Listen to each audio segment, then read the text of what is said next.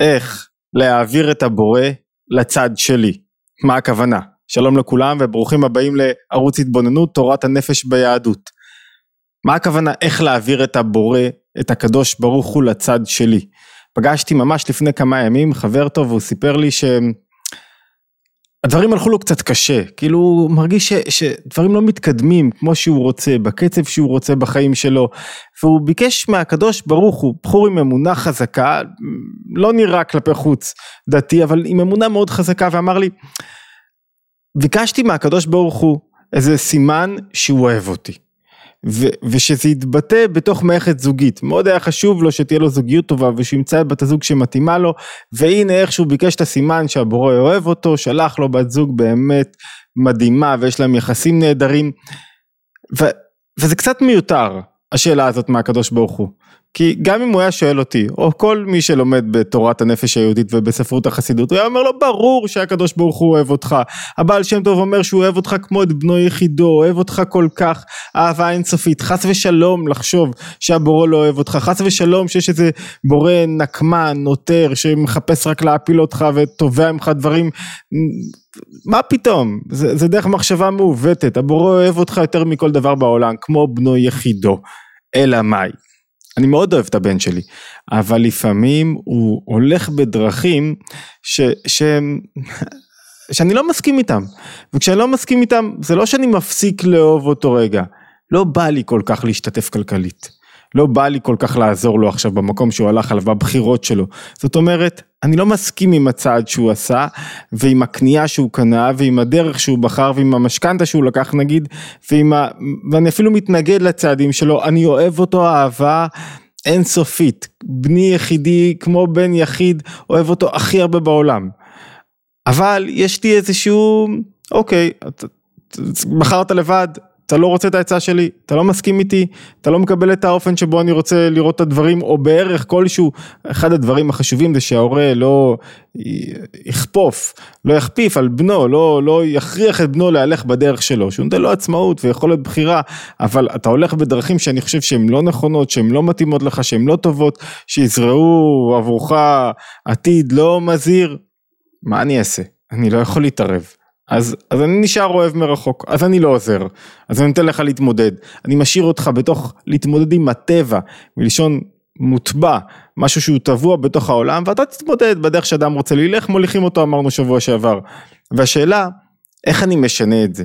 איך הבן שלי אומר, אבא, טוב, יכול להיות שלא בחרתי בדיוק בדרך שאתה רצית, אבל איך בכל זאת תתרגם את האהבה לתמיכה אקטיבית, איך תהיה בצד שלי, איך תעזור לי מבחינה אקטיבית בעניינים שאני צריך, בהתמודדויות שלי, בצרכים שלי, בדרישות שלי. כדי לענות על השאלה הזאת בואו ניכנס לפרשת השבוע, פרשת פנחס, שהיא פרשה שכל כולה יש היבט של הרוח של פנחס שנושא בה שם הפרשה, היא, היא מנשבת בתוך הפרשה שזה רוח של מסירות נפש והקרבה. ו, ונראה איזה קריטריונים, אמ, ארבעה קריטריונים ליתר דיוק, אנחנו יכולים לאמץ כדי להעביר את הבורא מבורא אוהב כבנו יחידו לבורא שהוא בצד שלנו. ניכנס רגע, אני, אני רוצה יחד כדי להבין את הנקודה הזאת, ללמוד יחד איתכם תורה מהממת של אדמו"ר הזקן, רבי שניאור זלמן מיליאדי שמובאת במאמרי אדמו"ר הזקן הקצרים, תורה על נקודה, על רעיון, על היבט שיש לו המון פרשנויות, ניקח פרשנות אחת ונתמקד בה. לפני כן אני מזכיר, מי שעדיין לא רשום לערוץ שלנו ו, אה, ולומד איתנו, התבוננות יומית, לומד את התכנים או רוצה לקבל עדכונים או רוצה אה, אה, להתעדכן לגבי השיעורים הבאים וה... וידאוים הבאים שעולים, מוזמן כמובן להירשם לערוץ ולהירשם אם הוא רוצה להצטרף לקבוצות הוואטסאפ ולקבל עדכון יומי. אוקיי, בואו נתחיל. אחד הדברים שבאים לי, ש, שמובאים בפרשה זה הציווי בחמישה עשר יום לחודש, הציווי על חודש סוכות, בחודש השביעי מקרא קודש יהיה לכם, כל מלאכת עבודה לא תעשו, שבעה ימים חג הסוכות, כולם מכירים, יופי, חגו, חגות הם חג להשם, שבעת ימים, ביום השמיני עצרת תהיה לכם, כל מלאכת עבודה לא תעשו. מה זה היום, יום עצרת הזה? מה זה היום השביעי שחוגגים בו? אז יש מגוון של פרשנויות, מה זה? נלך בקצרה, רק ממש בקצרה, רש"י אומר, עוצרים כל מלאכה, עוצרים זאת אומרת שהיום הזה טעון לינה, ומה זה המדרש אומר? המדרש אומר כמו מלך שהזמין את בניו לסעודה שבעת ימים. יש כל כך הרבה פרשנויות שאני נזהר לא להיכנס אליהם כדי לא לאבד את הקו המרכזי שלנו ולא להאריך יתר על המידה, אנחנו נשארים בנקודה שלנו, זה איך להעביר את הבורא לצד שלי. המטרה שלנו היא לא כל כך רק לפרש את מהו היום השמיני. זאת אומרת, ביום השמיני זה כמו מלך שהזמין את בניו לסעודה, ואחרי זה שהגיע הזמן שהם צריכים ללכת, נגמרו שבעת הימים, הוא אומר להם, כך אומר המדרש, קשה עליי פרידתכם, אולי תישארו עוד יום אחד, בבקשה תעשו לי סעודה קטנה כדי שאני ייהנה ממכם. וביום השמיני אומר רמי שילוח שזה יום עצרת, זה יום שהוא גבוה משבעת הימים. שבעת הימים זה הביטוי, הגילוי של הבורא בתוך העולם הזה. שבעת ימי השבוע, שישה ימים עובדים, בשביעים מגלים את הבורא על פי, על פי הסקייל, על פי הקנה מידה, על פי היקף העבודה בשישת הימים. שמיני, כמו היום השמיני למילה, זה הורדת אור חדש, יש פה משהו אחר שמתרחש, זה תיקון בלשונו של מי השילוח על כל, הימים הקדושים בתשובה ותפילה ונשלם הכל בשמיני עצרת, ולכן חג השמיני הוא חג אפילו גבוה יותר מכל שבעת הימים שקדמו לו. עכשיו אנחנו מגיעים לאדמו"ר הזקן שהוא אומר ביום השמיני על פי המדרש הקדוש ברוך הוא אומר טוב כל מה שעבדתם עד עכשיו כל מה שעשיתם במהלך חודש תשרי וכל העבודה הפנימית של כל אדם עכשיו ביום השמיני, אני מבטל את רצוני מפני רצונכם, מעכב את רצוני מפני רצונכם. ביום השמיני, אם אתם עושים את מה שאני מבקש מכם, אני עובר לצד שלכם. אני עכשיו איתך, מה שאתה רוצה. יאללה, בוא נלך, בוא נעשה, אני עוזר לך, אל תפחד, ביטחון, אני כאן, הרי יסוד הביטחון, אחד מיסודות הביטחון זה הידיעה שיש בורא שאוהב אותי. אם אני לא חושב שאוהבים אותי, קשה לי לפתח ביטחון. אבל כמו שאמרנו, ביטחון הוא, הוא, הוא, הוא לא מספיק. זאת אומרת, כי אני יודע שאוהבים אותי, אבל יכול להיות שלא ילכו איתי. אז לא ביטחון הוא לא מספיק, אהבה כיסוד לביטחון זה דבר שאינו מספיק, למה? כי אני יודע שאוהבים אותי, אבל זה לא מספיק. כי יכול להיות שאוהבים אותי, אבל לא מסכימים עם הדרך שלי ולא ילכו איתי. יש דרגה גבוהה יותר בביטחון, שזה ביטחון שכלי. שאני מסתכל על העולם ואני יודע שהעולם יש בו סדר, העולם זה לא כאוס, זה לא תוהו ובוהו, העולם יש בו סדר מאוד מסודר ואני מבין שאני, שאני מתהלך בעולם שלא פתאום דברים קורים וסתם איזה מקריות שדברים מתרחשים, זה היסוד לאמונה היהודית, היסוד ל, ל, למחשבת לתורת החסידות ולאופן שבו אני יכול להבין את המאורעות השונים. יש דרגה גבוהה יותר של ביטחון, כי גם יש סדר בעולם, יכול להיות שבתוך הסדר הזה לא ילכו איתי, ולא ילכו עם הצד שלי, ולא יסכימו לכיוון שאני רוצה. יש דרגה גבוהה יותר שהיא באה לידי ביטוי ביום השמיני והיא הדרגה של ביטחון שנובע מחיבור עצמותי, חיבור שהוא בדרגת השמיני, שמיני למעלה משבעת ימי ההיקף שבהם דובר קודם לכן, שמיני זה הדרגה הגבוהה ביותר כמו היום השמיני למילה אמרנו, שזה גילוי אור גבוה מסוים שמעיד על חיבור שאומר בו הקדוש ברוך הוא אני יוצר את הכל, את כל מה שאני רוצה, את כל החזרה שלכם, את כל המשך החיים ואני יוצר חיבור. דרגת היום השמיני, יום השמיני עצרת תהיה לכם, זה הדרגה שבו, שבה האדם מצליח להעביר את הקדוש ברוך הוא לצד שלו. ובתורה הקצרה שאני רוצה שנלמד יחד, אדמו"ר הזקן מסביר איך עושים את זה, איך אני גורם לו להיות בצד שלי. אז הוא נותן, שוטח, ארבעה קריטריונים שאנחנו נפרק אותם, אני מזכיר, המקורות במקור הזה, אה, שהוא לא מובא בליקוטי תורה, תורה, אור, וזאת אומרת, הוא לא מוקלט בתוך הרשת, אז הקלדתי את התורה הזאת, לא את כולה בשלמותה, היא תורה קצרה, אבל את רובה, אז היא עולה ל... אה, תעלה לאתר התבוננות. הוא אומר ככה, הנקודה המרכזית, הראשונה, שהאדם צריך כדי להעביר את הבורא אליו, מה אני רוצה, תחשבו על הבן שלי. הוא קיבל החלטה, הפוכה מזאת שאני רציתי שהוא יקבל. מה הדבר הראשון שאני רוצה לראות? אני רוצה לראות שהוא לא אגוצנטרי, שהוא לא כל כולו בשביל הכיף שלו, שיש לו איזה תודעת שליחות במה הוא עושה. אתם יודעים מה, בואו ניתן דוגמה באמת לבן שלי, יש לי בן, אני הכי אוהב אותו בעולם, מה זאת אומרת, כמו אבא, ו, והוא אמ, הוא, אה, בתוך החינוך החבדי והוא טס, יש לי שלושה ילדים, אחד לומד הנדסת תעשייה וניהול, מסיים שנה שלישית, ילדה בת 15 וחצי וילד שטס עכשיו לשנה שנקראת שנת קבוצה, שנת לימוד בחו"ל. ו... הוא טס בעוד חודש וחצי, אני חושב חודשיים, לשנה שלמה בניו יורק, ב-770, מיסטרן פארקווי, בקרבת הרבי מלובביץ', ושם, בקרבת, ושם הם לומדים, ושם יש להם שנה שלמה של לימוד. לפני שבוע וחצי, שבועיים, הוא אומר לי, אולי אני אטוס שוב. מי שלא יודע, היה ג' תמוז, ג' תמוז זה יום... אה, אה, יום ההסתלקות, יום ההילולה של הרבי מלובביץ', והוא אומר לי, אולי אני אטוס שוב לג' תמוז. עכשיו, זאת אומרת, הוא לא, הוא לא אמר אני אטוס שוב, הוא אמר אולי אני אטוס עכשיו, אני אומר לו, מה זאת אומרת? מה זה, מה זה החוצפה הזאת? מה, אבא זה חברת תעופה, חברת נסיעות, אתה טס עוד חודש וחצי, למה שתטוס שוב עכשיו לניו יורק? כל טיסה, אני יודע, עזוב את הכסף שכל טיסה עולה 3,000, 4,000, 5,000 שקל, כי ישר הוא קפץ, אני אשלם, ואני, אבל, אבל זה לא נראה לי, זה כאילו, תתאפק קצת, תהיה, היה לנו סביב זה איזה מתח מסוים, לא שהוא, הוא בסוף טס, אבל הוא כן רצה אותי לצידו. באופן מסוים. הוא כן רצה שאני אסכים איתו, שאני... זה אפילו לא שאלה של כסף, זה לא שאלה של תמיכה, זה שאלה של אבא יהיה שם איתו.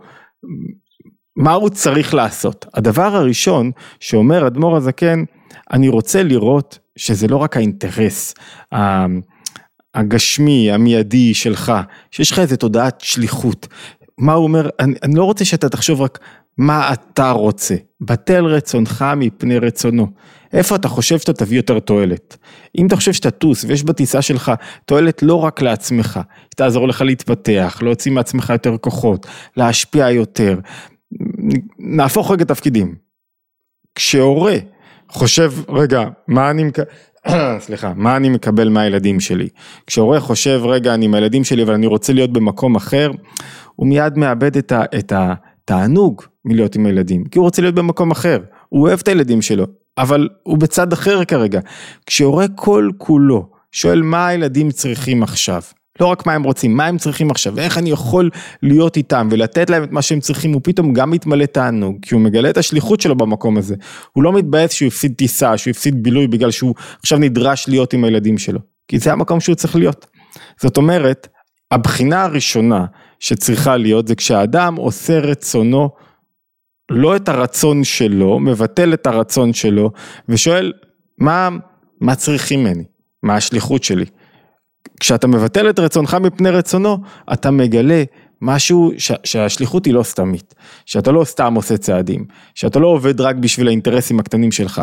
והבן שלי באמת רצה, לא רק בשביל שיהיה לו יותר כיף, כי זה קשה לפעמים, ו- ואין מקום לינה, ולא אוכלים כמו שצריך, אלא רצה באמת לצמוח, להתפתח. כשיש לך את הנקודה הזו, כשאתה מסתכל על מישהו ואתה שואל, רגע, האם הוא עושה רק בשביל האינטרס הקטן שלו, או שהוא עושה כי יש לו, כי יש לו תודעת שליחות גדולה יותר, הוא לא אגוצנטרי. הנקודה הראשונה כדי להעביר את הבורא לצד שלנו, זה מה מניע אותי, רצון זה אולי החץ החשוב ביותר בחיינו. למה? כי הרצון הוא זה שמכוון אותנו, מכוון את כל כוחות הנפש. אני מחזיר אתכם ללא מעט שיעורים שהעברנו על כוח הרצון. כוח הרצון מכוון איפה אני מגלה את הכוחות שלי. ואם אני מגלה את הכוחות שלי, את השכל שלי, את הרגשות שלי, הכל בשבילי, הכל לטובתי, הכל אגוצנטרי, הכל מה אני אשיג מתוך העניין, הכל מה קיבלתי ולא מה לא קיבלתי, באסה לתת לך. כי, כי אם אני נותן לך זה רק מצד אינטרסים. באסה להיות בצד שלך. אתה לא מזמין, אין לך שליחות גבוהה יותר, אתה לא עושה משהו לטובת הכלל, אתה לא עושה משהו באיזה, באיזה, באיזה תודעת שליחות או ב, ברצון להתחבר למשהו שהוא חיצוני לך והוא חשוב יותר, באסה. אתה רוצה להעביר את הבורא לצד שלך? תחשוב פחות אגוצנטרי, יותר שליחות. נקודה שנייה, אומר אדמו"ר הזקן, הנקודה השנייה, זו הבחינה של בטל רצונך מפני רצונו, היא בין בסור מרע ובין בעשה טוב. מה זה בסור מרע? יש מושג כזה שנקרא לקדש את עצמך במותר לך. כאילו, לכאורה התפיסה אמורה להתחלק, יש דברים שאני צריך לעשות, ושאר הזמן, כשעשיתי את מה שאני צריך, אני חופשי לעצמי ויכול לעשות מה שאני רוצה. המחשבה היהודית, או מחשבת הבעל שם טוב בתוך המחשבה היהודית, באה לחדד תפיסה אחרת. אין חלל ניטרלי, אין זמנים שהם סתם, אתה לא חי רק חלק מהחיים, אין זמנים שבהם אתה צריך להתחדד וזמנים שבהם אתה יכול לעשות מה שאתה רוצה. לכל רגע יש את האיכות שלו, לכל רגע יש את מה שאתה צריך להתמקד בו, את הכוחות שאתה יכול לקדש בתוך הרגע הזה. לכל רגע יש משמעות, לכל מחשבה יש משמעות, לכל דיבור יש משמעות, לכל מעשה יש משמעות. כשאני חושב מחשבה חלקית, אז, אז אני כאילו בקלות גם מבזבז זמן, הדרך לא לבזבז זמן זה לנצל כל רגע ב, ב, באיכות שלו. גם אני מבזבז זמן, אבל גם אני מבזבז מחשבות ויכולת מיקוד, וכאילו אני אומר, רגע, רגע, עשיתי את מה שאני הייתי צריך לעשות, עכשיו אני חופשי. אין ניטרלי. קדש את עצמך במותר לך, זה גם במקומות שבהם אתה לא עושה דברים שהם אסורים. גם שם, כשאתה בבית, כשאתה עם עצמך, איך אתה נראה כשאתה עם עצמך? כמה אתה עובד על עצמך, כמה אתה עובד על התודעה שלך, על איך שאתה מדבר, חושב, מתנהג.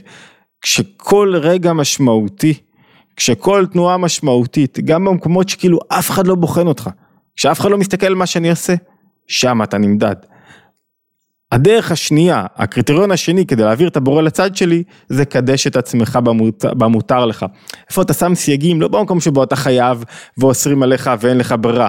איפה אתה רגע קודם עושה עבודה פנימית. איפה הרגע, איפה רגע קודם אין חלל ניטרלי בחיים שלך. אין חלל ניטרלי זאת אומרת אין לך רגע, אין לך מקום שבו אין בורא נוכח. וכשיש בורא נוכח בכל דבר, בכל רגע צריך ל... ל יש רגעים של מנוחה, אבל בכל רגע צריך להתמלא התלהבות ותשוקה וחיות ולא לבזבז זמן ולנסות לנצל את הזמן עד תום, בין אם זה עם חברים, אז, אז רגע למקד שיח, למקד תנועה, לגלות אהבה, בכל מקום יש לך משהו שצריכים ממך ובכל מקום אתה יכול להוציא מעצמך יותר. לקדש את עצמך במותר לך זה להפסיק להיות מפונק, וזו הדרך לנצל את הזמן, זה לא להיות מפונק, זה כל רגע משמעותי. אולי אני אקריא בלשונו, בסור מרע הוא, שכ... הוא כן, שצריך האדם לקדש את עצמו במותר לך, דהיינו בסייג. היכולת לשים גבולות בחיים שלי, זה היכולת לצמוח, או ננסח את זה בלשון אחר, אם אני לא שם גבולות, אני לא יכול לצמוח. גבולות לאיך אני נראה בכל רגע, על מה אני חושב, איך אני מתנהל. כי כך הוא דרכו של היצר הרע, מביא אדמו"ר הזקן. היום אומר לו עשה כך ולמחר אומר לו עשה כך עד שיפתה אותך באסור לך. אם לא תלמד לשים גבולות ולהתקדש ולעבוד על עצמך במותר לך, אחרי זה אתה מהר מאוד תגיע לחללים, למקומות שהם לא רצויים עבורך, שהם לא נכונים ושם אתה תיפול. נקודה שלישית, שבאמצעותה אני מעביר את הבורא לצד שלי, היא נקראת אולי אחד הכוחות החשובים ביותר בנפש, כוח מסירות הנפש. זוכרים שאמרנו שכל המאפיינים, כל מה שקורה בתוך הפרשה נקרא, הפרשה נקראת פרשת פנחס, כי בכל מה שקורה בה יש היבט של מסירות נפש. מה זאת אומרת מסירות נפש? מסירות נפש זה כוח השכל מוביל אותי לבחירה. באמצעות כוח השכל אני בוחר. אני מחליט מה הדרך שאני רוצה להלך בה, מה נכון עבורי, איפה אני צריך להלך. אחרי שבחרתי, כדי להתמיד בבחירה הזאת, אני צריך את כוח מסירות הנפש. כוח מסירות הנפש זה המוכנות להקריב, להתאמץ, להשתנות, לא להקשיב לכל מי שמבלבל אותי כל הזמן, לא להיות עלה נידף ברוח, לשמור על הסנטר שלי, למסור כל כך הרבה חשקים קטנים ורצונות קטנים בפני הרצון שעליו בחרתי ללכת. וכשאני מקדש את עצמי במותר לי והולך עם זה במסירות נפש כשאני עושה את זה, כשאדם הולך בשכלו, אי אפשר לו לסור מהעולם, מהרע שבעולם, אומר אדמו"ר הזקן. כשאתה כל הזמן שוב בוחן, שווה לי, לא שווה לי, אינטרסים, מתאים, לא, למה זה, ולא עצרת אחרי שעשית את הבחירה ודחפת את עצמך עוד צעד קדימה. את העוד צעד קדימה הזה של אני הולך על זה וזהו. זה העניין שלי, לא אכפת לי מה, כל פעם, לא, ככה, זה מה שאני עושה. למה, אני לא יודע כל דבר, בחרתי פעם אחת, זו אשתי, פה זה הבית שלי, פה אני מגלה את מסירות הנפש שלי, אל תפתח לי את זה כל רגע מחדש. על כל רגע למה, מה זה למה, זה מה שבחרתי, זה המקום שלי. זאת אומרת, עצם המתאבק עם מנוול מתנבל בעצמו, עצם השקלא וטריא, עצם הדיון הרבה פעמים עם, ה, עם המחשבה שרוצה, עם השכל, שרוצה לגרור אותך אחרי הבחירה, אני לא מדבר כשאתה שוקל במה לבחור, אחרי שבחרת. והוא כל פעם מנסה להחליש אותך מהבחירה הזאת, אה, אולי לא יצא, לא שווה, לא... כל פעם שאתה הולך בכיוון הזה, אתה תיחלש. אתה רוצה את הבורא לצדך, אתה צריך לגלות מסירות נפש. ללכת על משהו, איך אומרים, להתאבד עליו, אבל במובן החיובי. לגלות את, ה, את ההקרבה העצמית שלך, אתה רוצה להצליח, מה אתה רוצה, שאני אעשה לך הכל? אומר הבורא לכאורה. בוא תיתן מעצמך, בוא תשקיע, בוא תתאמץ, בוא, בוא, בוא, בוא תפעל, אני רוצה לראות אותך מוכן להקריב, אם אתה מוכן להקריב, אני אחריך מוכן להקריב. זאת אומרת, אמרנו עד עכשיו שלושה קריטריונים, אחד, לא אגוצנטרי, שתיים אמרנו, מוכן לקדש את עצמך במותר לך, שלוש אמרנו, שאתה מוכן להקריב, שאתה מוכן להתאמץ, שזה לא, כן, כן, לא, לא. ואל יאמר האדם בעצמו, מה שאקדש במותר זהו למעלה ממדרגתי, כי צריך האדם להלך למעלה מן ההשכלה. זאת אומרת, אל תגיד אני לא יכול, אני לא מוכן. וזו הנקודה הרביעית. הנקודה הרביעית, שאדמו"ר הזקן מדגיש כדי להעביר את הבורא לצד שלי, היא להאמין בשינויים הקטנים, במעשים הקטנים, בכל צעד שלך שהוא בעל ערך ומשמעות. לפעמים אדם אומר, אה, מה זה כבר שווה מה שאני אעשה? אז הוא לא עושה. מה זה שווה כבר שאני אושיט איזה עזרה לאדם אחד? אה, זה לא שווה. אז כאילו זה לא... קופצת לי איזה דוגמה שהייתי, טוב זה כבר, זה סיפור כזה מעריך טיפה, אבל בקצרה, אם קפצה לי דוגמה אני אשתף אותה. הייתי אה, בצבא בין 18 וחצי 19 והיינו במחנה הפליטים שתי, והיינו על איזה... אה, שמרתי על איזה גג, כזה התחילו זריקות אבנים, זה היה עוד לפני וואי, הזדקנו, זה היה עוד לפני פינוי עזה, והייתי על אה, גג וזרקו אבנים, אחד האבנים היה גם, כאילו כשהיה זריקת אבנים היה חשש שזרקו רימון. ופתאום באה איזה פלוגת חיילים, והפלוגת חיילים, ואני הייתי אחראי, המפקד אולי על הצוות אה, שמירה בגג באותו זמן, ובאו החיילים המילואימניקים והמילואימניקים, ואנחנו סדירים, צעירים, מתחילים, שלושה חבר'ה, שניים בעמדה, אחד אה, יושן או משהו בסגנון, ואז באו המילואימניקים, הורידו את כל האפודים שלהם, והתיישבו, הכנו להם קפה, ולא עשו עניין מזריקת האבנים. ובדיוק הגיע הזמן שלי לרדת למטה לנוח, אבל ניסינו להגיד להם בעדינות, כאילו הבני 18 הצעירים, אולי כדאי יותר להתכנס ו, וככה להאמין שהאפוד יכול להגן עליכם, ו... אז, אז נפנפו אותנו קצת, איך שאני יורד למטה, מתוך מטר האבנים נזרק גם רימון, והרימון מתפוצץ למעלה, ופתאום אני עולה ורואה איזה, אה, את אחד המילואימניקים, שהוא כל כולו מלא ברסיסי רימון, למזלי הוא ניצל, אבל כשהוצאתי, הוצאתי את תחבושת, לא היה איפה לחבוש אותו, כי אתה אומר, איפה, איפה אני אשים תחבושת? יש כל כך הרבה נקודות, אז, אז בסוף אתה אומר, אולי אני לא אשים תחבושת, למרות שברסיסים לא יוצא כמעט דם. ננסה להגיד, לפעמים אתה רואה מישהו פצוע, ואתה אומר לעצמך, רגע, אולי לא שווה הטיפול, אולי לא שווה המאמץ. כן שווה. כן שווה, בטח. תבחר, תתעדף, תשקיע. זו הנקודה, אני לא יודע אם הסיפור בדיוק העביר את הנקודה הזאתי, אבל כל פעולה שווה, ואף שנראה למטה שאין זה דבר גדול, או, או שאפשר גם ללכת על, ה, על ה, לשים את האפוד ברגע האמת, אה בשביל מה אני צריך אפוד, אה אני לא אתבע, אה אני לא, בטח שווה, בטח צריך, ואף שנראה למטה שאין זה דבר גדול, מה שמבטל רצונו, אמנם למעלה הוא דבר גדול, כי בהתערותא דלתתא מתעורר למעלה, כי הנקודה היא לא המעשה הקטן שאתה עושה, הנקודה היא ביטול הרצון, שפתאום עזרת למישהו, פתאום עשית איזה שינוי קטן ב, ביום שלך, פתאום קמת ולא היית עצבני, פתאום חייכת לבן הזוג, כל שינוי קטן מניב שינויים גדולים, וכן בעשה טוב. לפי הנראה, מסביר אדמו"ר הזה, כן, לפי הנראה לפעמים אדם לא משתנה, עושה משהו והוא לא משתנה, ואף על פי כן צריך לעבוד על השינוי שלו עוד פעם ועוד פעם, והוא מסכם את המשפט הזה, וזה עול, זה קשה. זאת אומרת, יש פה היבט של מסירות נפש, שמתגלה על ידי האמונה שלי, שכל מעשה שאני עושה, כל פעולה יכולה להשפיע, יכולה להציל חיים, יכולה להציל את החיים שלי, יכולה להציל אותי ברוחניות, יכולה להציל את הזוגיות שלי, את הבית שלי, כל פעולה קטנה משמעותית, כל מחשבה, כל שינוי, כל דבר, ו- ולהפך, אתה פתאום לא שם לב, כל דבר שלילי שאתה עושה יכול להשפיע לך לשלילה. ולמה אני לא מרגיש טוב? טוב, שכחתי שאכלתי את הג'אנק הזה במשך יומיים, מרגיש כל כך לא טוב, יש קשר בין סיבה למסובב. זאת אומרת, והתוצאה בסופו של דבר, כשהאדם עושה רצונו. למעלה מן השכל ומבטל רצונו מפני רצון המקום, שהוא עושה רצון הבורא, ומילא הקדוש ברוך הוא מבטל רצונו מפני רצוננו. זאת אומרת, בואו נסכם את כל המהלך, יום השמיני, יום עצרת, יום עצרת מתגלה אור גדול, שבו הבורא אומר, אתם יודעים מה? עכשיו אני עובר לצד שלכם. כל מה שעשיתם עד עכשיו, עכשיו אני עובר לצד שלכם. מה צריך לעשות כדי להעביר אותו, אותו לצד שלנו?